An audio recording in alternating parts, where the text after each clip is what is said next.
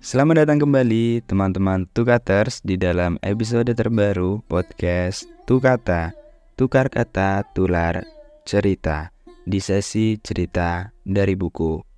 Kali ini kita akan merambah ke dalam halaman-halaman buku yang mengunggah jiwa Dengan judul Ini Hari Terakhir di Bumi karya Dionysius Dixon Kita akan menjelajahi pesan-pesan yang dalam tentang kesehatan mental, pencarian jati diri, damai dengan masa lalu, cinta yang mendalam, dan kasih yang tulus yang tersimpan dalam buku ini tentunya. Jadi, siapkan diri kalian untuk perjalanan emosional ini. Ini hari terakhir di bumi adalah kisah yang mencengangkan tentang perjalanan seorang individu dalam tanda kutip dari sudut pandang penulis untuk menemukan makna sejati dalam hidupnya. Salah satu hal yang membuat buku ini begitu kuat adalah cara ia menyentuh pada topik kesehatan mental secara menyeluruh. Dionysius Dixon menggambarkan dengan indah bagaimana karakter utama, yaitu penulis menghadapi gelombang-gelombang kecemasan, depresi, dan perasaan hampa bagi banyak dari kita, ini adalah cerminan yang kuat tentang pengalaman pribadi kita dalam menghadapi perjuangan mental. Seperti katanya, karena orang-orang itu mudah menghakimi atas apa yang mereka lihat. Pencarian jati diri adalah tema sentral dalam buku ini. Karakter utama berlayar melalui lautan kebingungan dan keraguan diri untuk menemukan siapa dirinya yang sejati. Ini mengajarkan kita bagaimana pentingnya merenung, merenung, dan merenung kembali untuk menggali lebih dalam esensi diri kita sendiri. Ada tips untuk lebih mengenal dan berdampak pada diri kita sendiri, yaitu tersenyumlah ketika kamu sedang bercermin. Lalu katakan, "Aku mencintaimu." Sebanyak 124 kali atau sebanyak mungkin yang kita bisa sesuai waktu yang kita punya. Kenangan sering membawaku pergi, tetapi tidak pernah memberiku pilihan untuk tinggal.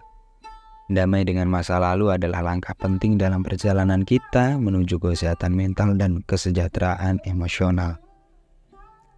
Buku ini mengingatkan kita untuk tidak membiarkan bayangan-bayangan masa lalu mengganggu kebahagiaan kita di masa sekarang. Sebagaimana kata Dionysius Dixon, hidup adalah perjalanan ke depan, bukan kembali ke masa lalu. Cinta dan kasih adalah dua elemen yang sangat mendalam dalam buku ini. Bagian terberat dari mencintai seseorang adalah berdamai dengan segala rasa sakit yang datang. Mereka menunjukkan kepada kita kekuatan penyembuhan cinta sejati dan kasih yang tulus. Jangan terlalu jauh menghukum diri sendiri, maklumi kesalahan hati.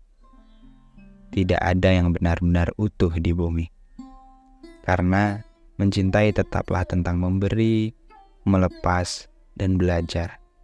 Buku ini mengajarkan kita tentang pentingnya memahami, menghargai, dan mendukung satu sama lain dalam perjalanan hidup kita. Ingatlah, karena kita adalah apa yang kita lihat dan dengar.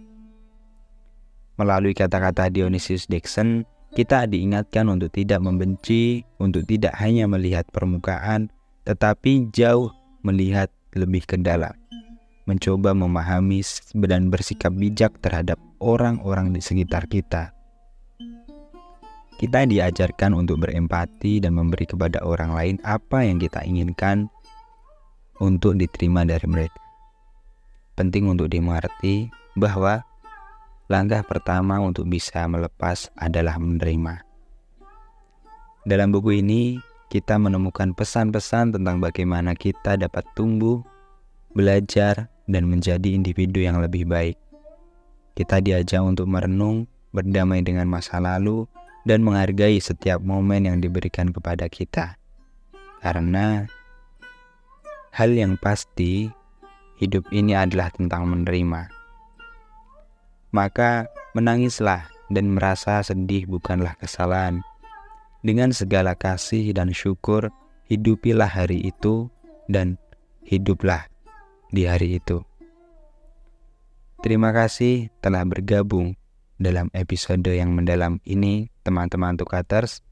Aku harap perjalanan kita melalui ini hari terakhir di bumi oleh Dionysius Dixon telah memberi kalian wawasan yang dalam tentang kesehatan mental, pencarian jati diri, damai dengan masa lalu, dan tentunya cinta dan kasih. Pesanku, jam-jam sebelum tidur gunakan untuk bermeditasi, berdoa, dan membaca. Dan ingat, jangan mengemis. Makin sering kamu mengemis, maka jauh dirimu dari cinta itu sendiri. Tetaplah mendengar podcast ini untuk episode selanjutnya yang akan membawa kalian lebih dalam ke dalam dunia buku yang menginspirasi tentunya. Ingat, buku adalah jendela ke dunia yang tak terbatas. Terakhir, pikirkan kata ini. Apa yang sebenarnya sedang kamu kejar?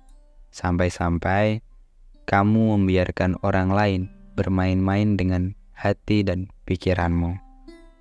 Salam literasi.